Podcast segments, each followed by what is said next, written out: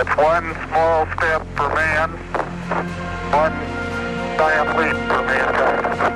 We choose to go to the moon, not because they are easy, but because they are hard. Hey, Houston, we've had a problem here. Houston, uh, Tranquility Base here. The Eagle has landed. I år er det 50 år siden, at de sidste astronauter gik på månens overflade. Den sidste af dem til at efterlade fodaftryk i det grå månestøv var Apollo-astronaut Eugene Cernan. Og han sagde sådan her, da han trådte op i månelandingsfartøjet for at forlade månen. Our here man completed its first exploration of the moon. This is our commemoration that will be here till some of you who are out there who are the promise of the future come back to read it again and to further the exploration and the meaning of Apollo.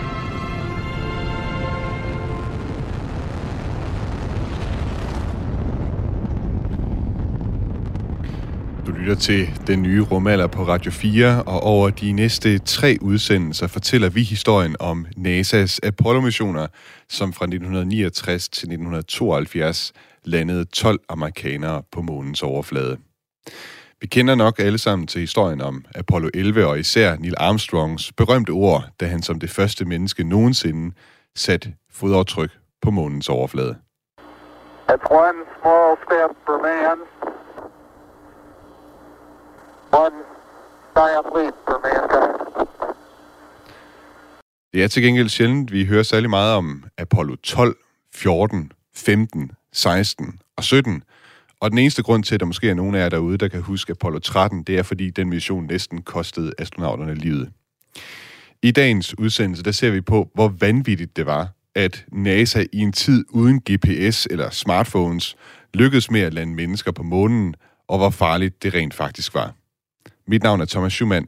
Velkommen til den nye rumalder.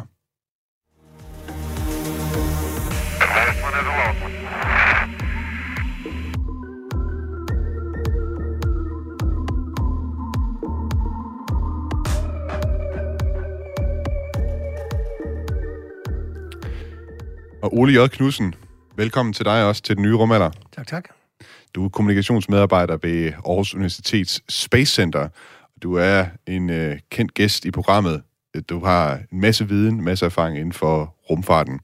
Og du vil altså hjælpe os med at fortælle historien om Apollo-missionerne over de næste tre udsendelser. Det er først og fremmest jeg er rigtig glad for, at du vil. Tak fordi du vil det. Jamen, det var da så lidt, men altså, jeg var der jo, og det kan jo både være godt og skidt.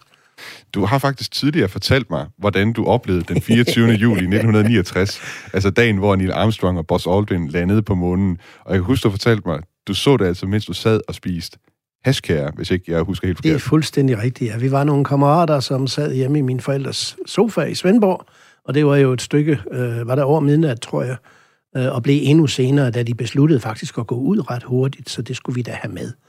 Og øh, jeg har aldrig røget, og så synes mine kammerater, at øh, jeg skulle alligevel have del i, i fornøjelsen på en eller anden måde. Det var også en anden tid dengang, ikke? Det var så meget en anden tid, jeg, det er ikke noget, jeg skammer mig over, eller på nogen måde synes var forkert øh, i den tid. Det er nok ikke sikkert, jeg vil gøre det i dag.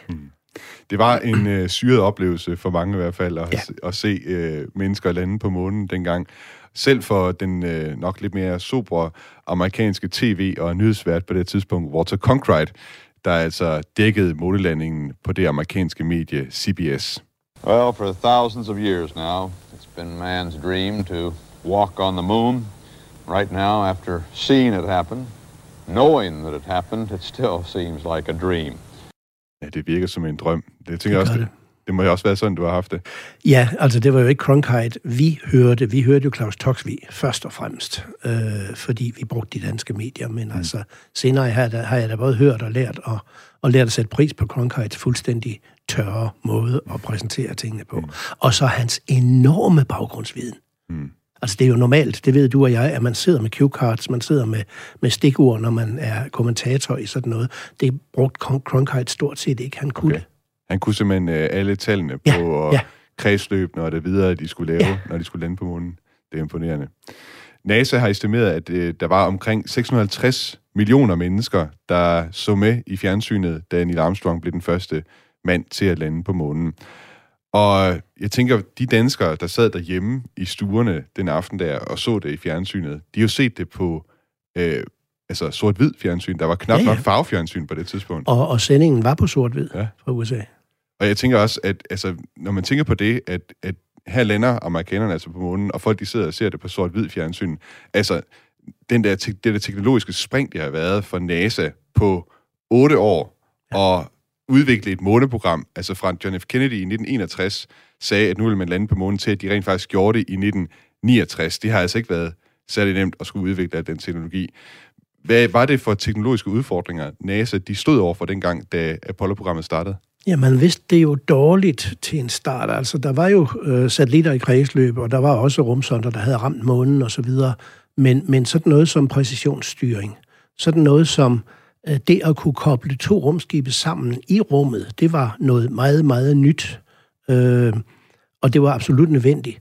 Det at kunne starte, genstarte en øh, raketmotor i rummet, altså brændstof har det jo med at skvulpe rundt, mm. og det vil sige, at det skal behandles på en helt speciel måde i tankene, for at der er noget fremme ved, ved motor, øh, ved, ved brændhovedet, så at sige. Det var også noget nyt, så det var sådan nogle ting, man skulle teknologisk set øh, udvikle og være sikker på, at det virkede hver gang. Så var der jo kommunikationen mm. over store afstande og i baggrundsstøj osv. Mm. Der var rigtig, rigtig mange ting, som, som skulle gøres noget ved. Og så kan man jo tænke på, at de computere, man havde med, fordi man havde computere med, øh, de havde i regnekraft cirka, hvad der svarer til en lommeregner i dag. Ja, det er også helt vildt at tænke Det på. er fuldstændig vildt. Ja. Og det betyder, at vi har jo, øh, os der bare har en lille smule indsigt, jo enorm respekt for de programmører. Ja. Fordi i vores dage, der svines der jo med programlinjer simpelthen, for der er plads nok. ja. øh, og det er det, der gør, at vi skal have en ny øh, harddisk øh, med jævne mellemrum, for der er ikke plads til, til opgraderingen. Og det er så vidt jeg forstod, det var jo sådan en, en balancegang, man skulle gå mellem, at den der computer, altså på det tidspunkt supercomputer, eller store computer dengang i 60'erne, det var sådan noget, der brugte hele lagerhaller nærmest. Ja, ja, de fylder huse. Ja, men de skulle altså lave en, der kunne lave, være i sådan en lille månelandingsfartøj, hvor der kun skal være to personer i, ikke? Det var Ja, jo ja. noget af en bedrift. Det, ja, den, den, den fyldte sådan som et, øh, et lille tastatur eller noget mm. i retning. NASA skriver på deres hjemmeside, at Apollo-programmet dengang kostede 24, eller 25,4 milliarder dollars. Det beløb, det svarede i 2019 på grund af inflation til omkring 160 milliarder dollars. Det eneste ikke-militære projekt, som kan måle sig med Apollo-programmet, det var altså byggeriet af Panama-kanalen. Ja. Ole, hvor, hvorfor valgte NASA at bruge så mange penge på at gøre noget, der er så svært som at lande mennesker på månen? Øh, det var ikke primært af øh, sådan blåøjet videnskabelige grunde. Det var politik. Men jeg vil lige sige med hensyn til det med prisen, hvis jeg må komme med en lille sidebemærkning, mm-hmm. at det lyder jo af meget, meget store tal. Det er det også, mm-hmm. men jeg har set en sammenligning, som jeg synes er i hvert fald er sjov. Mm-hmm. Og det er, at årligt kostede Apollo-projektet cirka det samme, som der blev brugt på samme tid på 100 kattemad i USA. okay. Og det vil sige, det er ikke noget, der har rykket noget Nej. som helst i økonomien. Og, og de der argumenter, som også kom frem på forskellige måder, og som jo kommer stadigvæk med hensyn til forskning, at, at vi kunne lige så godt bruge pengene på noget andet og noget mm. bedre, de holder bare ikke en meter. Det er et argument, der har været der hele tiden. Øh, Det forsvinder aldrig. Det, det har vi også stadig med, når vi snakker om rumfart i dag. Ja, og i det hele taget teknologisk udvikling og øh, ja, mange andre ting. Men du siger, det var politik, der Ja. motiverede John F. Kennedy til at forpligte USA på at sende mennesker til månen. I øh, 61-60 øh, var der raceuroligheder i USA. Det vil sige, der var problemer på hjemmefronten. Der var en Vietnamkrig, som ikke var på fuld hammer endnu, men hvor der dog var et par tusind amerikanske soldater i Vietnam til at støtte regeringen, og det vil sige, og det var ikke populært, øh, det vil sige, at øh, Kennedy havde brug for øh, lidt det modsatte af, hvad vi hørte her med Dalgas i gamle dage, altså hvad en af tabes skal ud af vindes. Han skal have et mål, mm-hmm. som, som folk kan samles om, som man kan blive begejstret for, og som kan gøre, at man tænker lidt mindre på, øh, når man er, er skatteborger og, og øh, skal stemme, øh, tænker lidt mindre på de lokale problemer. Mm-hmm. Og så er der vel også den anden side af det, at Sovjetunionen på det her tidspunkt havde begået store bedrifter i rummet. De har sendt ja. den første satellit i kredsløb om jorden, Sputnik. De har sendt det første menneske i rummet, Yuri Gagarin. Der var vel, og måske også i USA, en eller anden opfattelse af, at man her var ved at tabe fuldstændig terræn til russerne, hvad angik øh, bedrifter i rummet. Ja, det er svært at sætte sig ind i, men altså i 57, da, da Sputnik 1 kom op, der var der panik i USA. Øh, dels panik, fordi man jo i, øh, i, ifølge, hvad skal man sige, i forbindelse med den, med den kolde krig, der er den generation af amerikanere jo opdraget til, at når alarmen lyder på skolen, så går alle under bordet, bogstaveligt. Der var træning, øh, ugenlige træninger i, hvad man skulle gøre, når russerne begyndte at bombe. Og det er også det, vi ser i dag med, med, med øh, den voksne generations reaktion, mm. selvfølgelig, i forbindelse med en krig. Mm. Øh, og det skal man have i tankerne. Øh, så da russerne pludselig kan sende noget i kredsløb om jorden, noget som lige så vel kunne have bragt en atombombe frem til Washington, øh, hvis, hvis det var det, man havde ville, øh, så får man øh, skræk. Så går undervisningssektoren i panik. Man øh, laver fuldstændig om på, på undervisningsprogrammerne til det bedre, skulle man synes. Øh, satser meget mere på naturvidenskab, på ingeniører osv. Øh, og da så Gagarin kommer op som den første, øh, så skal Kennedy altså på en eller anden måde reagere. Mm-hmm. Den første reaktion er, at, at øh, den første amerikaner i rummet, Alan Shepard, kommer op i sådan en lille øh, hop, øh, en lille tur. Øh, det tror jeg, det er 187 km over mm. overfladen, og et kvarter var det. Men det er dog noget. Så har der været en amerikaner i rummet i hvert fald. Og det er så faktisk øh, er det 12 dage eller sådan noget, før Kennedy holder den der tale i kongressen. Mm. Øh, så han skal have et eller andet og, og fodre folk med at sige, nu gør vi noget. Nu er vi tilbage på banen. Nu er det os, der, der kommer til at føre. Okay, det skal så være inden, inden årtiet rinder ud, som han siger. Øh, men, men nu er vi i gang. Mm. Vi skal nok nå dem. Og man kan måske også sige, at hvis man sammenligner det med sådan et kapløb, altså de, de løber øh, afsted øh, på, på en atletikbane eller noget af den stil, og russerne, Sovjetunionen her, det er nogen, der spurter der ud af, så sætter John F. Kennedy ligesom et nyt mål. De prøver at være maratonløberen, der skal ja. hele vejen ud til, til det Lige der præcis. mål. Ligesom altså, sætte det som målet for rumkapløbet. Alle ved, at det vil tage tid, og, og øh, hans, øh, jeg tror ikke, han vidste Kennedy, eller hans rådgiver vidste, at, at det var realistisk. Øh, og det viste sig jo så også, at det var på et hængende hår, og der skete ting undervejs, som kunne have stoppet hele projektet sådan set. Men, men der skulle sættes noget i gang på det tidspunkt. Øh, også for at fortælle den amerikanske befolkning, at vi er altså vi er stadigvæk med, og det er ikke russerne, der fører. Mm. Og de fører jo heller ikke. Russerne øh, har jo et, eller havde øh, et fantastisk projekt, som var at snuppe alle de lavt hængende frugter. Mm. Lige for næsen af amerikanerne. og det lykkedes. En af de store udfordringer, der var for amerikanerne, da de så forpligtede sig på at ville sende mennesker til månen, det var at designe det, der skulle være månelandingsfartøjet. Altså et fartøj, som astronauterne kan bruge til at lande på månen med, og som de kunne leve i under deres ophold på månen. Og lige så vigtigt også, at komme væk fra månen igen. Hvordan gik NASA til opgaven med at designe det her månelandingsfartøj? Man udliciterede opgaven, ligesom man øh, altid har gjort i USA, og som man gør stadigvæk. Man lod forskellige øh, rumforsknings- og, og øh, te, øh, militærteknologifirmaer byde på, hvad de, hvordan de synes opgaven skulle løses. Og øh, det var så hvad hedder firmaet Grumman mhm. Aircraft mm-hmm. Corporation, som, som, som vandt opgaven, så at sige. Det var en, så vidt vi ved, en regulær konkurrence øh, om at komme med det bedste projekt. Mm-hmm. Øh, og det var ganske almindeligt, at man, at man uliciterede den slags ting. Mm-hmm. Og, og hvordan endte man så med at, altså hvordan kom det her månlægningsfartøj til at, at, at se ud? Altså hvad var mm. sådan de delene af det? Jamen det ligner jo sådan en eller anden form for, for teknologisk bille. Altså den har for det første fire ben, Øh, og benene har den, fordi det skal være forholdsvis nemt at lande nogenlunde lige og stabilt. Øh, og så skal der være en landingsdel, som kan tage, tage fra ved landingen, øh, og der skal også være et lille hotelværelse. Det mm. viste sig så opholdet, øh, de havde, eller pladsen, de havde, det var sådan på størrelse med et kosteskab, okay. øh, hvor man så øh, skulle sove og skifte rumdragter, og jeg ved ikke hvad. Så lille som muligt, så let som muligt øh, og så øh, en startdel med en separat raketmotor af sikkerhedsgrunde, som så kunne føre astronauterne op i kredsløbet om månen igen. Mm. Jeg har også hørt det fortalt, at øh, månelandingsfartøjet, altså det var simpelthen så lille, at når de skulle sove derinde, så sov de ligesom i hængekøje over ja, hinanden. Og på kryds. Og på ja, kryds ja, over hinanden. Det er rigtigt. Og at øh, væggene i, det der, i selve fartøjet var så tynde, fordi der skulle være så lidt vægt som muligt.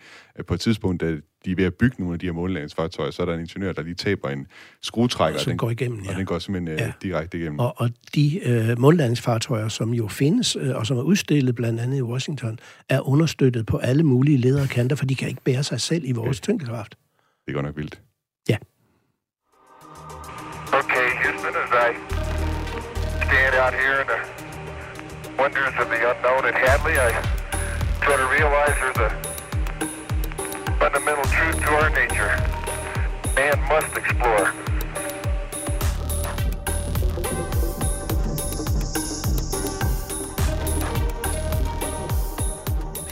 Der er rigeligt med dokumentarer og film om Apollo 11, Neil Armstrong og Buzz Aldrin, for ikke også at tale om Michael Collins, som altså ikke landede på månen i den omgang med Apollo 11, men ventede i kredsløb til, at hans kolleger de kunne komme op igen til ham.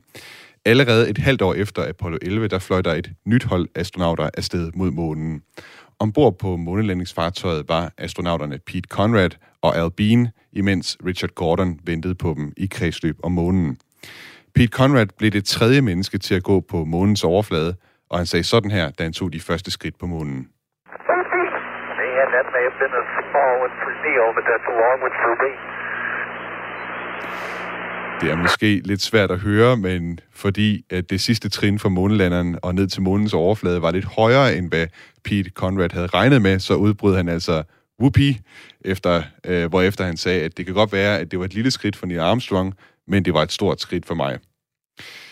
Ole, fulgte du med på samme måde, da Apollo 12 landede, som da Neil Armstrong og Buzz Aldrin de landede på månen? Jeg bortset fra haskærerne, så gjorde jeg. Nå, det jeg tror faktisk, det var i skoletiden, men øh, jeg fik Nå. lov til at gå ind i et, i et lokale og høre, høre øh, hvad der skete. Var, var det en lige så stor begivenhed som, øh, som den Nej, første slet, månelanding? slet For mig var det, fordi jeg var nørd, og Ja. ja. er det stadigvæk. Øh, men men øh, nej, der var ikke nær den samme opmærksomhed på det. Der var Mm. ikke nær den samme pressedækning heller. For de var sådan blevet lidt ligeglade igen allerede. Ja. Øh, bortset fra os, som synes, at der var andet i det end politik. Og det, Mm. mm. der vil jeg lige sige, altså, nu, sad- det var ikke for at nedgøre hverken Kennedy eller, eller øh, intentionerne i USA, for der var jo også i Apollo-projektet øh, en hel masse vigtig, spændende videnskab. Mm. Øh, og det ved jeg, det kommer vi tilbage til også Mm. øh, senere hen. Mm. Men, men, men altså, øh, det primære, det var det politiske. Ja. Øh, og det betød ikke noget for mig. Jeg var ikke så gammel, så jeg fattede ret meget af det på det tidspunkt. Øh, men det var spændende. Det er jo elementært spændende. Det er ligesom at se ja, øh, et, øh, et motorløb, øh, hvor man sidder der og venter på, at der går noget galt. Det gør jeg i hvert fald. Øh, eller en raketopsendelse for den sags skyld. Altså, der er en elementær, grundlæggende risiko i det, og det sidder man jo som menneske og, og lapper i sig. Plus, at der altså var også med Apollo 12 nogle, nogle nye ting, nogle Mm. nye steder, nye oplevelser. Mm. Og Pete Conrad der, han, han var en lille mand, han var fra flåden, øh, og landingen var meget blød, og derfor var, var øh, de her øh, ben ikke trykket tilstrækkeligt sammen, så han øh, overvejede meget, fortalte han bagefter, om han overhovedet kunne komme op igen. Okay. Men altså, ud skulle han jo. Ja. Det er jo heldigt, det er en sjettedels tyngdekraft, ikke? Så han, Ja, øh, det hjælper han kan- dem gevaldigt på det. Ja. Det kan man se på filmene også. Ja. De tager lidt tilløb til os op af den her, øh, det her stejle ben. Men lad os prøve så, altså Apollo 11, det var selvfølgelig ja, meget sådan det politiske projekt, det der med at komme før også øh, Sovjetunionen til at, til at gøre det her. Men vi har jo altså også missioner, der kom efter Apollo 11. Hvad var, e- hvad var sådan formålet med de efterfølgende Apollo-missioner? Formålet var det, som er det samme formål som enhver form for videnskabelig øh, aktivitet, nemlig at underbygge. En ting er, at man kan lave ting første gang, og det kan være spændende, og det er måske det, der giver Nobelpriserne, men det, der virkelig er videnskab, det er at underbygge og viderebearbejde, og øh, i tilfælde med, med de gentagende månelandinger, og udvide mulighederne. Altså i starten kom man ikke øh, ret længe ned, der skulle det bare lige kunne gøres. Senere havde, man jo biler med, og man mm. øh, overnattede deroppe, og så videre, og så videre. Øh, og der var også planer om at udvide øh, projektet endnu mere. Men altså underbygning, øh, og det at arbejde videre med de observationer, de målinger, man havde lavet første omgang. Jeg ved også, man, man stillede jo også videnskabelige instrumenter og sådan noget ud på månens Ja. overflade, altså ting, som kunne lave øh, forskellige slags øh, observationer. Mine også nærmest øh, astronomiske observationer og sådan noget. Ja, det forsøgte man med noget, med noget jeg tror, det var noget røntgenteleskop. Det, var Ja. ikke så, det gik ikke så godt, men der var andre ting, som, som stod deroppe, altså seismografer, som måler øh, måneskælv. Ja. Øh, og der er det jo sådan, hvis man gør det, at man skal meget gerne have i hvert fald tre punkter at måle fra. Øh, så før man har opstillet tre øh, måleapparater, der er øh, fjernt fra hinanden, så kan man ikke få så gode data. Og der står jo stadigvæk spejle deroppe, som, som bliver brugt øh, Okay. jævnligt. Ja. Øh, Apollo-astronauten satte tre spejle op, og øh, det russiske Lunokhod-projekt, som var en månebil, øh, har også to spejle Ja. derop, som bliver brugt til lasermålinger af månens afstand. Vi bruger, simpel- vi bruger det simpelthen stadig til at, at finde ud af, hvor langt afstand der er til. Ja, ja, og hvor meget den ændrer sig. Ja, interessant. En af de ting, som... Øh, der var flere ting, som Apollo 12-missionen havde af opgaver, de skulle lave øh, op på, på månen. Blandt andet så skulle man bevise med Apollo 12, at man kunne lave en præcis månelanding. Ja. Det var jo sådan, at Neil Armstrong han, øh, landede jo lidt længere øh, væk fra det sted, man egentlig havde regnet med, at han skulle lande. Ja, der var et hul, det var han skulle Der var en krater. desværre, desværre et krater, ja. Øh, målet var for Apollo 12, at man skulle lande tæt på den amerikanske månesonde Surveyor 3, og det lykkedes. Apollo 12's månelander landede knap 200 meter fra den her månesonde. Jeg ved, det er faktisk også noget af det forskning, der stadig findes, var den påvirkning, det havde, da man landede Apollo 12, øh, månelandingsfartøjet tæt på Surveyor 3, der var astronauten ude at hente nogle dele fra Surveyor 3, ja. og man, man ser stadig på, hvordan det påvirkede, altså det støv, der blev blæst væk fra... Støv og, og solvind og sådan noget. Altså ja. alle de påvirkninger, som Surveyor 3 har været, den har stået udendørs, bogstaveligt talt, ja. øh, under meget åben himmel. Øh, og der vil man gerne vide, hvor, hvordan henfalder materialer, når de bliver bombarderet konstant, for eksempel af, af solstråling og mm. solvind. Så derfor klippede man, jeg tror, et kamera og en arm eller et eller andet og tog med hjem. Det er jo interessant, at det også stadig er noget, man kan sidde og kigge på her øh, 50 år, eller mere end 50 år efter, ikke? Jo, øh, det er jo vigtige ting, fordi hvis vi skal derud og være der i lang tid, så skal vi jo kunne tage højde for i vores teknologi, mm. hvad rummet, som er et af de mest barske øh, områder, man kan opholde sig i, hvad det gør ved os og gør ved vores teknik. Det var astronauten øh, Pete Conrad, der altså styrede månelanderen og sammen med NASA's navigationshold nede på jorden lykkedes med den her meget præcise landing ja. tæt på Surveyor 3. Hvis vi ser tilbage og sådan tænker lidt over, at det her skete i 1969, igen før, det er før internet, det er før mobiltelefoner og alle mulige andre moderne teknologier. Jeg tænker, det må have været pænt svært, at Apollo 12-missionen øh, lykkedes med at lave så præcis en, en landing.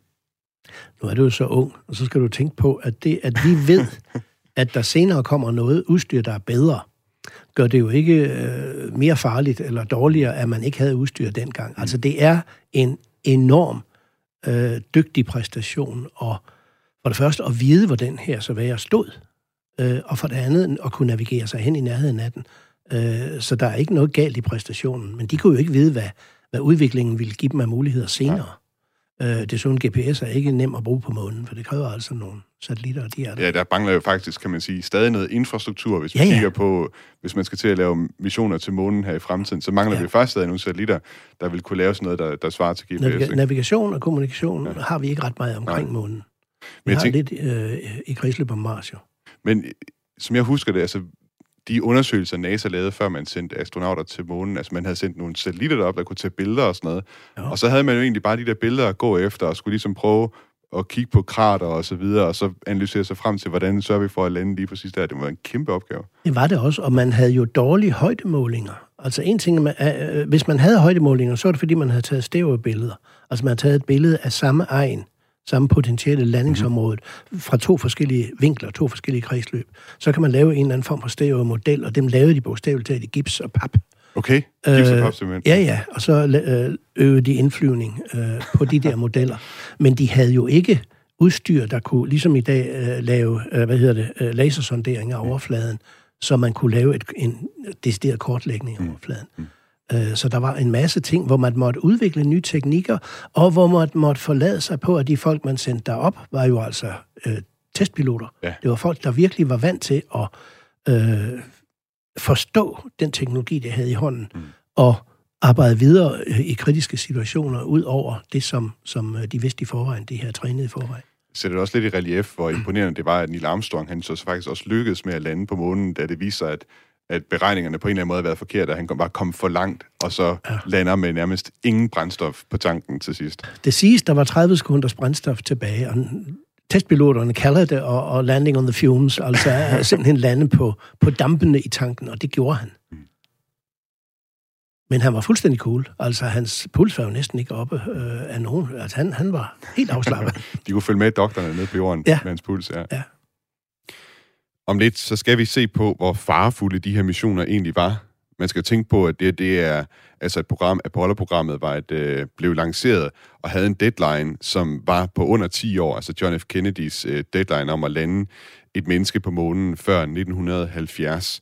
Og det var altså ting undervejs i missionerne, som var lige ved at, at simpelthen at gøre, at missionerne blev til en fiasko. Det kunne være sådan noget som knapperne, der ikke duede, eller softwaren i computeren, som øh, ikke opførte sig sådan, som astronauterne de regnede med, når de endelig var øh, ved månen og var klar til at lande. Vi skal også se på, hvorfor at øh, det så ikke blev til mere sidenhen. Det er en ting, som altid har undret mig i hvert fald. Hvorfor at det efter, at man landede succesfuldt på månen af flere omgange, så valgte helt at lade være med at gøre mere. Det er alt sammen noget, som vi øh, kigger på, når vi øh, vender tilbage efter et øh, nyhedsoverblik her på Radio 4, som kommer nu. It's one small step for man, one giant leap for mankind. We choose to go to the moon not because they are easy, but because they are hard. Okay, Houston, we've had a problem here. Houston, uh, Tranquility Base here. The Eagle has landed.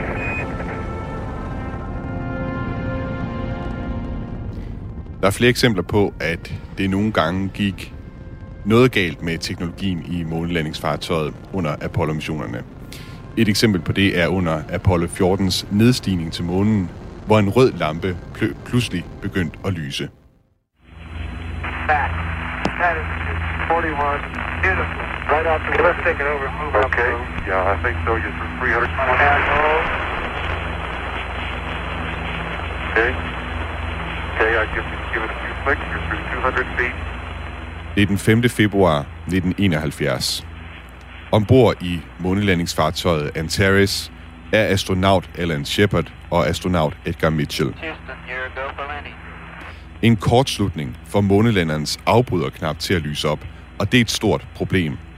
Så længe afbryderknappen lyser, risikerer NASA, at månelanderen automatisk afbryder nedstigningen til månen, og så må missionen aflyses. Houston, uh, whenever you're uh, possessed of a free moment there, we've got this evasion maneuver bed. En af ingeniørerne i kontrolrummet nede på jorden kommer frem til, at det nok er en løs forbindelse. Han foreslår, at astronauterne kan slå på månelanderens kontrolpanel, ligesom man gør med et gammelt fjernsyn, hvor tv-signalet er dårligt. Astronaut Edgar Mitchell slår på kontrolpanelet, og ganske rigtigt stopper afbryderknappen med at lyse. Men kun i kort tid. Afbryderknappen lyser op igen, og nu begynder tiden at være knap. Nede på jorden får NASA fat i den ingeniør, som har skrevet softwaren bag afbryderknappen. Han skal nå at finde en løsning, som vil få computeren i månelanderen til at ignorere signalet fra knappen. 1500. Samtidig er månelanderen gået ind i sit sidste kredsløb om månen, inden den endelige nedsigning til månens overflade. Løsningen bliver, at astronauterne skal ændre på computerens indstillinger manuelt ved at skrive en helt ny kode. Men de har kun ét forsøg. Hvis de taster forkert, afbryder computeren nedstigningen til månen, og missionen er slut. Månelanderen er nu 15 km over månens overflade og nærmer sig den endelige nedstigning. Ingeniørerne giver astronauterne den kode, de skal skrive ind i computeren. Både astronauter og ingeniører holder vejret, imens astronaut Edgar Mitchell skriver koden ind. 6481 plus 095 minus 020 GETI 004 40 01 Det lykkes. Heldigvis, og Apollo 14 lander sikkert på månen. Endda med den mest præcise landing nogensinde udført under Apollo-programmet. We're on the surface. Okay, we made a good landing. Roger, Antares. 413 plus 10,000. That was a beautiful one. Ja, der er som sagt øh, flere eksempler på, at øh, udstyret er drillet eller simpelthen var tæt på at forpure nogle af Apollo-missionerne. Ole J. Knudsen, øh, kommunikationsmedarbejder ved Space Center på Aarhus Universitet. Jeg synes, det er noget fascinerende, det her med, at øh, tilgangen fra NASA, det er bare slå på den, Ja. og så virker det nok. If it doesn't work, kick it. det, det, det er det, vi kalder fedtmuleprincippet, ikke? Ja. Ja. Altså, ligesom fedtmules bil. Det, det er som om, den, den, den, den ting, den er, den er forsvundet lidt med de computer og sådan noget, vi har i dag. Det kan man jo ikke gøre på samme måde. Det var noget, man kunne med, med fjernsyn i gamle dage. Det virker ikke i vores dag i hvert Nej, fald, medmindre det er elstikket, der er gået løs, fordi Ja. så har jeg erfaring for, så kan man godt alligevel. Men altså, det er rigtigt, det, det, det er et udtryk for den teknologi, hvor det var ledninger, som var løjet fast, og øh, som altså kunne have en kold lodning, eller gå løs, eller et eller andet. Mhm. Mm-hmm. Øh, og det er med integreret kredsløb og sådan noget i dag, det er nok ikke noget, der rigtig kan, kan lykkes igen. Men fejlene, de opstår jo stadigvæk hele tiden. Der opstår programmeringsfejl, der er øh, folk, der sætter en forke- en forkert chip i, eller vender den på hovedet, eller hvad det nu Ja. kan være. Altså, øh, det er ikke, fordi vi er fejlfri, men vi har jo det princip, eller man har det princip i rumforskning med triplicitet, øh, at alle, alle kritiske, især i bemandet rumforskning, alle kritiske dele skal tredobles. Mm-hmm. Fordi så er den statistiske risiko for, at det hele går galt, øh, i hvert fald i det område, øh, den er meget, meget mindre. Mm. Tror du også, altså sådan en fejl som den her knap, der lyser op, kan det også have noget, være et udtryk for, at man altså bare havde virkelig travlt, da man skulle øh, lave måneprogrammet, øh, Apollo-programmet? Altså man havde de her, kun de her otte år til at udvikle alle de her ting, og så for ellers forsende dem afsted til månen. Det kan kun være et spørgsmål om tro. Altså, det kan da godt være, at den tekniker, der har siddet der med lodkolben, bogstaveligt talt, og skulle sætte den ledning på, har haft lidt travlt, fordi det var ved at være frokost. Men det er ikke det overordnede pres. Det er mere, at man i mange tilfælde jo ikke vil kunne afprøve tingene under de forhold, som de faktisk bliver brugt. Mm. Du kan ikke afprøve noget, der bliver bygget her noget, hernede på jorden i øh, lav tyngdekraft, øh, eller under øh, og måske nok under de der accelerationer. Du kan ikke afprøve det under vakuum og så videre, ikke, ikke i længere tid. Mm. Så, så der har været begrænset mulighed for overhovedet at prøve tingene på forhånd. Mm. And Houston, as I step off at the surface at Taurus Littrow, we'd like to dedicate the first step of Apollo 17 to all those who made it possible.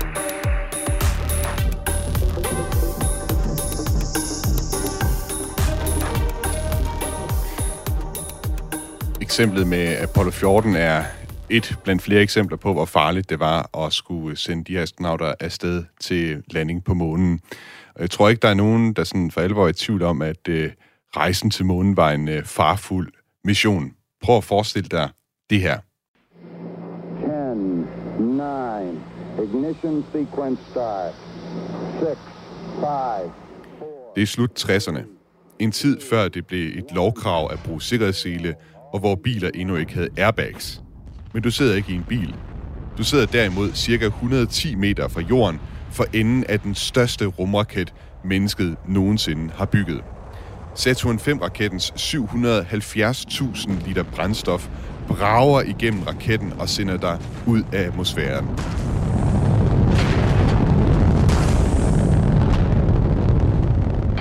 Imens sidder du klemt sammen med to andre astronauter presset ned i dit sæde med blikket rettet mod himlen. Hele cockpittet vibrerer, og nogle af rumskibets samlinger knirker på grund af det enorme tryk fra raketten.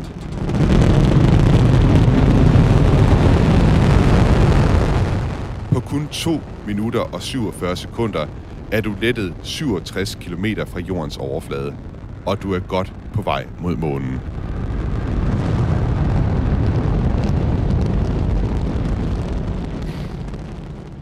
Det her det er jo endda kun første skridt i astronauternes rejse væk fra jordens øh, atmosfære og så videre øh, til månen. Og Ole J. Knudsen, det er hvad vi skal prøve at kigge på hele den her mission som, som en pakke. Altså, hvad er det, der kunne gå galt øh, fra astronauterne sætter sig ind i øh, kapslen øh, nede på jorden, og så at de vender tilbage til jorden efter en tur til månen? Jamen, der er, hvor mange timer har vi? øh, der er jo ikke nogen ende på, hvad der kunne have gået galt. Jeg vil lige sige, i forbindelse med uh, Apollo 14, som vi snakkede om, mm. og også Apollo 11, hvor der skete noget lignende med en kontrollampe, ja. at det, der ville være sket, hvis fejlen havde slået igennem, var jo, at der var en abort, som ja. gik i gang. Det vil sige en redningsoperation. Det var ikke sådan, at de ville have crashet at på grund af den fejl. De ville have kunne, kunne vende tilbage øh, til kredsløb. Øh, de havde ikke haft held til at lande, men altså, det var, det var egentlig sikkerhedssystemet, mm. der, der slog ind der, så det var ikke helt tosset. Nej. Men altså fra starten, jamen, øh, det er jo det, vi har set i nogle tilfælde. Raketten kunne være eksploderet. Øh, man kunne have haft en lille gnist, som for eksempel under den test, der hedder Apollo 1, øh, hvor det gik grueligt galt. Øh, en lille gnist ind i rumkapslen, og det hele brændte af, inklusive de øh, tre mand, der var ombord, øh, inden man kunne nå at lukke op ind til dem og få dem reddet ud. Mm. Øh, Sammenkoblinger kunne være gået galt, det har vi også set både før og siden. Øh, det der med at genstarte raketmotorer, det er altså ikke helt nemt. Øh, og så er man jo altså maroon, som det hedder, så er man fortabt i rummet, som der også er lavet film om. Øh, teknik, kommunikation, øh, sammenstød mellem to rumskibe i, i kredsløb har vi set i forbindelse med, med uh, rumstationen ISS for eksempel. Ja. Øh, alle operationer er meget, meget kritiske, fordi rummet er ekstremt fjendtligt over for os. Vi er ikke beregnet til at flyve i rummet. Mm. En anden anekdote, jeg også synes, der er meget fin, og endda på den første mission til at lande på månen, Apollo 11, hvor at, da de skal tage afsted fra månens overflade, så er der også, det er også en knap, der faktisk er et problem med, at den er blevet slået løs, Ja, så de ja. kan ikke trykke knappen ind, der skal starte motoren, så de kan komme afsted fra månens overflade. Der får Buzz Aldrin altså den fine idé, at han lige tager en uh, kuglepind, Ja. og så trykker den ellers ned, og så fungerer det fint. Så virker det, men som de også siger, at vi kunne ikke tage den ud igen. Nej, okay, den bliver siddende deri. NASA, de skriver selv i en uh, rapport fra 2018, uh, en rapport, der handler om omfanget af de risici, der var forbundet med Apollo-programmet, og der skriver de altså følgende. Risici var et anerkendt problem tidligt i Apollo-programmet, men estimater i forhold til risici var alligevel foruroligende høje. Og der var jo altså også, ud over Apollo 1-programmet, som, eller Apollo 1-missionen, den her test, de havde, hvor at, uh, tre astronauter døde, de øh, brændte inde i en kapsel. Der var også en anden mission, hvor det var meget tæt på også at gå galt, altså den meget kendte Apollo 13-mission. Ja. Hvad var det, der gik galt der? Øh, der gik det galt, at på vej til månen var der en øh, brændstoftank, tror jeg det var, eller en ildtank, der eksploderede omme i servicemodulet, det som indeholder alle, alle hjælpetingene, så at sige, som man skulle have med undervejs og tilbage igen. Øh, og det ødelagde så en hel masse, blandt andet nogle batterier, øh, så man pludselig kom til at have alvorlig strømmangel. Mm. Og øh, det, er, det er livstruende simpelthen. Der var ikke varme nok, og der var ikke øh, strøm nok til kommunikationen. Men ved hjælp af lodder og trisser, bogstaveligt talt næsten, i hvert fald øh, enhver teknikers drøm, gaffertab og plastikrør og alt muligt andet, som de havde med af andre grunde, der lykkedes det at få det rigget til, sådan, så de kunne tage ilt Mm. fra øh, månelanderen Mm. øh, og opholde sig i månelanderen, øh, men de måtte så skippe landingen på månen. De fløj op omkring månen og lavede en fin 8-tals øh, passage og kom så øh, tilbage igen, hvor de så var lige ved at komme af dage, fordi der var en eller anden form for gasudslip, da de var landet i Stillehavet. Okay. Øh, derfor kom de i karantæne, øh, og, og nogle af dem havde lidt hoste bagefter. Ja. Det var en eller anden svogldam, tror jeg, det var. Hold da op.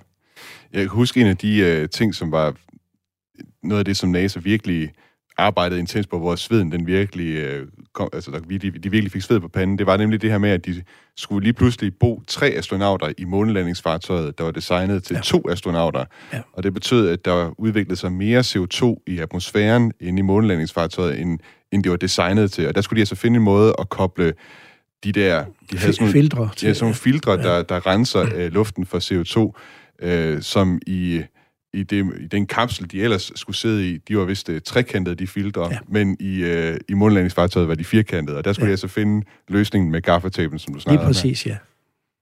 Og, øh, men det skete jo også, Apollo 13, det skete jo også på et særligt uheldigt tidspunkt, ikke? Altså, de er på vej afsted mod månen, men, men eksplosionen sker på et tidspunkt, hvor de ikke bare kan vende tilbage Ja. til jorden. Hvorfor var det, at de ikke kunne det? Altså, motorerne var tændt. Øh, de havde fuld fart på til at komme til månen, øh, og øh, havde øh, smidt øh, det store rakettrin af, som havde givet dem den fart. Øh, så de havde ikke brændstof nok til at bremse op. De kunne ikke bare, og det kan man i det, det er kun i Star Wars-film, at man kan vende rundt og så flyve den anden vej. Øh, det kræver enorme energimængder, fordi man skal først bruge energi på at bremse op, så skal man vende sig om, og så skal man bruge energi på at få fart på igen. Mm. Og det havde de simpelthen ikke med. Mm. Så de, de var dømt til enten at ramle ind i månen, hvad de så heldigvis ikke gjorde, eller at tage den her 8-talsbane, mm. øh, hvor månens tyngdekraft trækker den tilbage mod jorden. Mm. Og det lykkedes jo, Det lykkedes heldigvis. De, øh, og det gav kæmpe interesse for rumforskningen igen. Endnu en gang. Ja, sådan er det jo altid, øh, når der er noget, der er gået galt, eller ved at gå galt, så, så, så bliver det spændende igen. Der var det her med, at hvis man sidder og ser Speedway, ikke? Altså, der fik ja. du jo spændingen i det, ikke? Ja. Der var nogen, der, det var tæt på, at de væltede. Lige præcis. Ja. Jeg tænker også, at NASA og andre rumfartorganisationer altså, må have lært af de her farer, altså, som var en del af Apollo-programmet. Det må blandt andet være derfor, jeg tænker, at NASA i 2018 udgav en rapport, som netop handler om, om de her risici, der er forbundet med rumprogrammet. Har vi siden, altså med, på baggrund af de erfaringer, vi har fra Apollo-missionerne, taget ved lære af, af de farer, der er forbundet med, med at rejse i rummet, og som noget, altså noget, som vi kan bruge i dag, og noget, som rumfartagenturerne bruger i dag? Ja og nej. Altså, der er større bevidsthed om, at, at der kan gå noget galt. Øh, måske ikke specielt med hensyn til, at man kan miste besætning, men at man kan miste PR. Det er rigtig, rigtig, rigtig dårlig reklame, hvis der går noget galt. Og nej, fordi for eksempel øh, viste det sig jo med Challenger-ulykken, Mm. at øh, den var også forårsaget af politisk pres, og at, at man ikke øh, højt oppe i, i hierarkiet kunne sige nej, fordi der var altså nogle politikere, som var på vej ned og skulle se den her opsendelse, og, og øh, på trods af, hvad ingeniørerne sagde, at det her, det, det, det kan ikke gå, det er for farligt, så fyrede man raketten af alligevel. Mm-hmm. Så øh, det er ikke altid, man har lært af det. Hvis, der, der kan være andre faktorer, der spiller ind, mm. og det kan der sikkert også i dag. Nu har vi indtil videre sådan dækket den, den ene side, kan man sige. Vi har dækket den amerikanske side øh, mest af alt, og vi har jo egentlig kun talt om Sovjetunionen i den forbindelse, at amerikanerne altså valgte at gøre det her, også lidt som reaktion på det, man så fra Sovjetunionens side. Hvor langt var øh, russerne overhovedet i deres ambitioner om at, at sende mennesker til månen? Var der reelt set et øh, kapløb mellem øh, USA og Sovjetunionen? Det har det vist sig nu, længe efter murens fald og efter arkiverne er åbnet, at det var der, ja. Mm. Øh, russerne nægtede det. Øh, de antydede, der var et kapløb, inden de tabte om jeg så må sige. De nægtede det, mens det var i gang, og øh, det viser sig nu bagefter, at der var et kapløb. Russerne havde udviklet en formidabel raket, øh, en et-raketten, øh, som jo så desværre for dem øh, eksploderede alle de fire, der blev bygget, enten lige ved opsendelsen eller lige efter, øh, og det gjorde, at man måtte droppe måneprojektet, men det var helt fremme i 72 eller 73, mm. at man for alvor øh, sagde, nu, nu stopper vi simpelthen.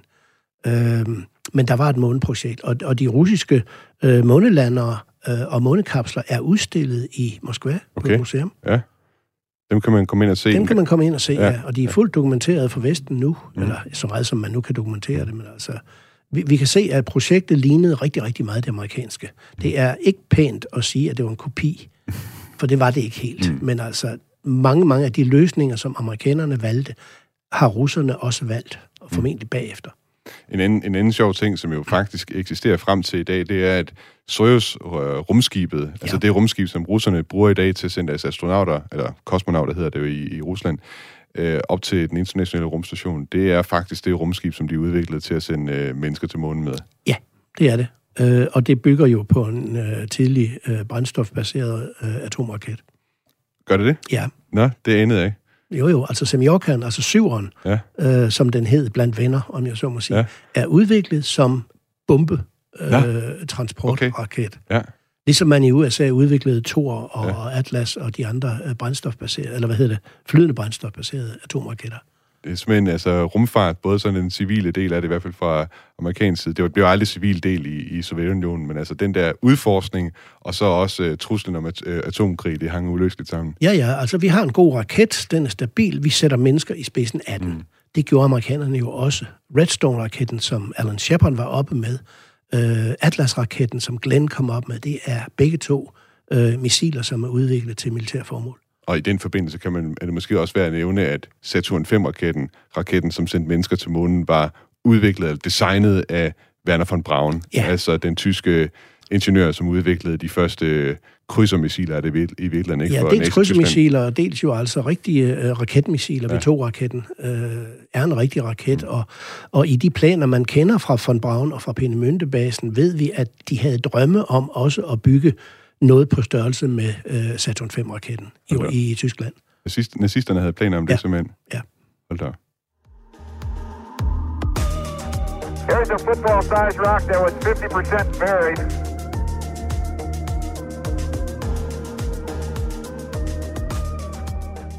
Den sidste Apollo-mission fandt sted i december 1972. I år er det derfor 50 år siden, at Apollo 17 rejste til månen.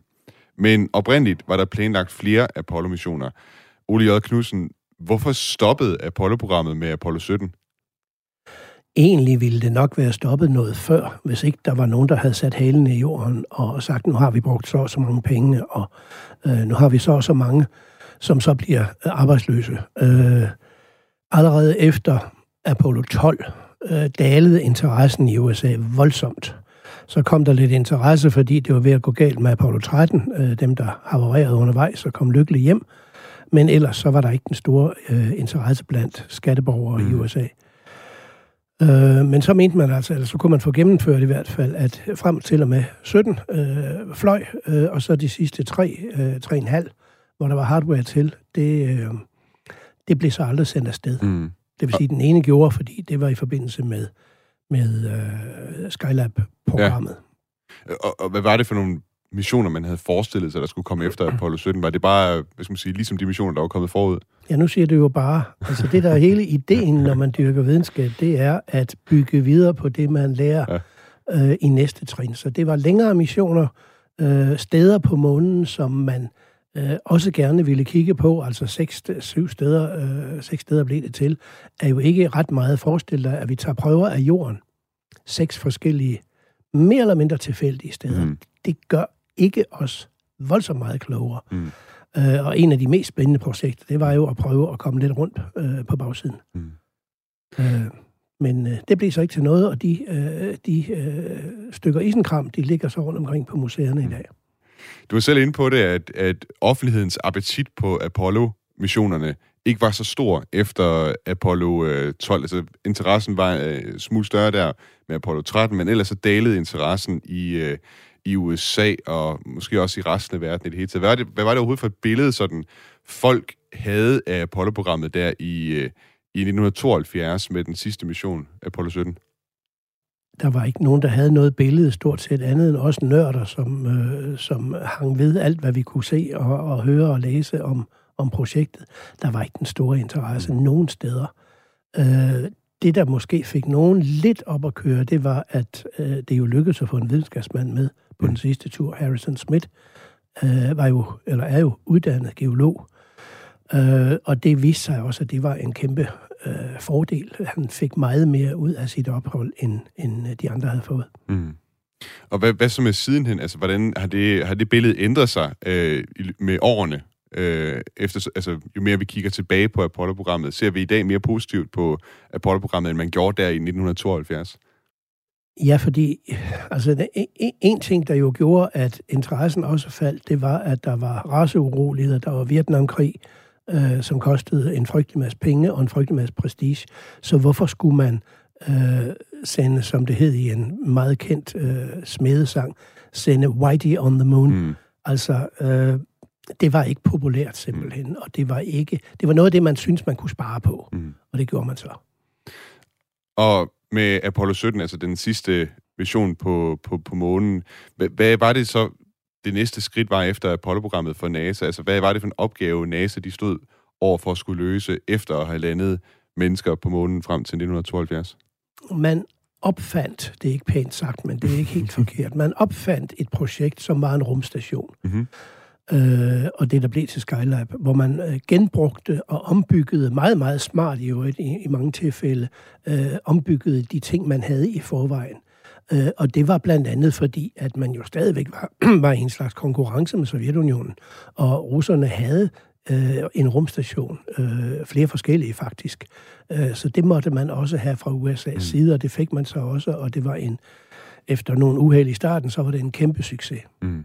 Det var i virkeligheden nogle trin af den her Saturn 5-raket, som man ligesom modificerede til at lave en ja, rumstation ja. ud af det, ikke? Altså, øh, hele det ene øh, trin, hvor der øh, i den oprindelige raket var brændstof og, ja. og, og drivmiddel, blev lavet om til opholdsrum. Det var fuldstændig fantastisk. Og overdelen til månelanderen, som var til års, blev til et solobservatorium. Øh, og, altså, det var, det var meget, meget smart genbrug, må man vist sige. Og så er der også den sidste Apollo-mission, Apollo Soyuz, ja. som du var over at se opsendelsen af. Ja, øh, det var politik. Okay. Simpelthen. Det var et spørgsmål om, at man ville understrege for øh, offentligheden ind og indlands og udenlands, at nu var vi gode venner med de der sovjetrussere. Mm. Øh, og derfor kunne man sende en Apollo-rumkapsel op og koble sammen med en Soyuz-rumkapsel øh, og øh, give hånd og spise borscht og, og turkey og så videre. øh, det var vældig hyggeligt. Mm. Øh, og, og det var så den sidste Apollo-opsendelse. Mm. 50 år efter den sidste månelanding med Apollo 17 er månelandinger igen aktuelt. Præcis hvornår det kommer til at ske, er ikke helt til at sige. Øh, NASA er i gang med Artemis-programmet med at, ligesom at udvikle hardwaren, der skal til for at kunne lande mennesker øh, på månen igen. Og de regner selv med en landing på månen i 2025. Det er måske lidt optimistisk, hvis man ser på, hvor langt de er med at udvikle rumdragter og rumraketter osv. Men de regner i hvert fald med en gang inden øh, for det her årti og, at lande mennesker på månen igen. Øh, Ole, hvordan adskiller Artemis-projektet sig fra Apollo-programmet? Hvis man kigger på hardwaren, så er der jo mange ting, der ligner blandt andet, at selve rumkapslen er en, en øh, opskaleret version af Apollo-kapslen. Selvfølgelig med en masse moderne teknologi, det skal jeg skynde mig at sige, men altså façon og, og selve filosofien i, øh, hvordan man sender op, i hvilken rækkefølge man kobler sammen, og alt sådan noget, ligner rigtig, rigtig meget. Mm. Øh, og det samme med, med den store Artemis-raket. Øh, den, øh, den bygger også så absolut på erfaringer, som man gjorde med Apollo-projektet. Mm. Ole J. Knudsen, det har været en øh, fornøjelse at have dig med i dag. Er du med på at tale mere Apollo i næste uge? Helt sikkert, jeg kan slet ikke lade være. det er fornemt. I øh, næste uge, der kommer den nye rumalder til at handle om den forskning, som Apollo-missionerne har været har bidraget med, øh, ved altså, at man har taget måneprøver tilbage ned ja. til jorden. Og i den sammenhæng, der taler vi blandt andet med NASA-forsker Dr. Jamie Elsila Cook, som for nylig åbnede en kasse med 50 år gamle måneprøver fra Apollo-missionerne. Ole J. Knudsen, tak fordi du var med i dag. Det var så lidt kommunikationsmedarbejder, altså ved Aarhus Universitets Space Center. Og også tak til alle jer lyttere derude. Den nye rumalder var i dag tilrettelagt af Lasse Lindholm Christensen, redaktør af Camilla Høj Eggers. Og du kan abonnere på den nye rumalder i din podcast-tjeneste, hvis du går ind og downloader Radio 4's app. Så får du en not- notifikation hver gang, der ligger et nyt afsnit, afsnit klar til streaming. Og hvis du i det hele taget kan lide den nye rumalder, og synes, at andre også skal høre programmet, så vil jeg opfordre dig til at fortælle øh, om programmet til en ven. Tak for denne gang. Ad Astra.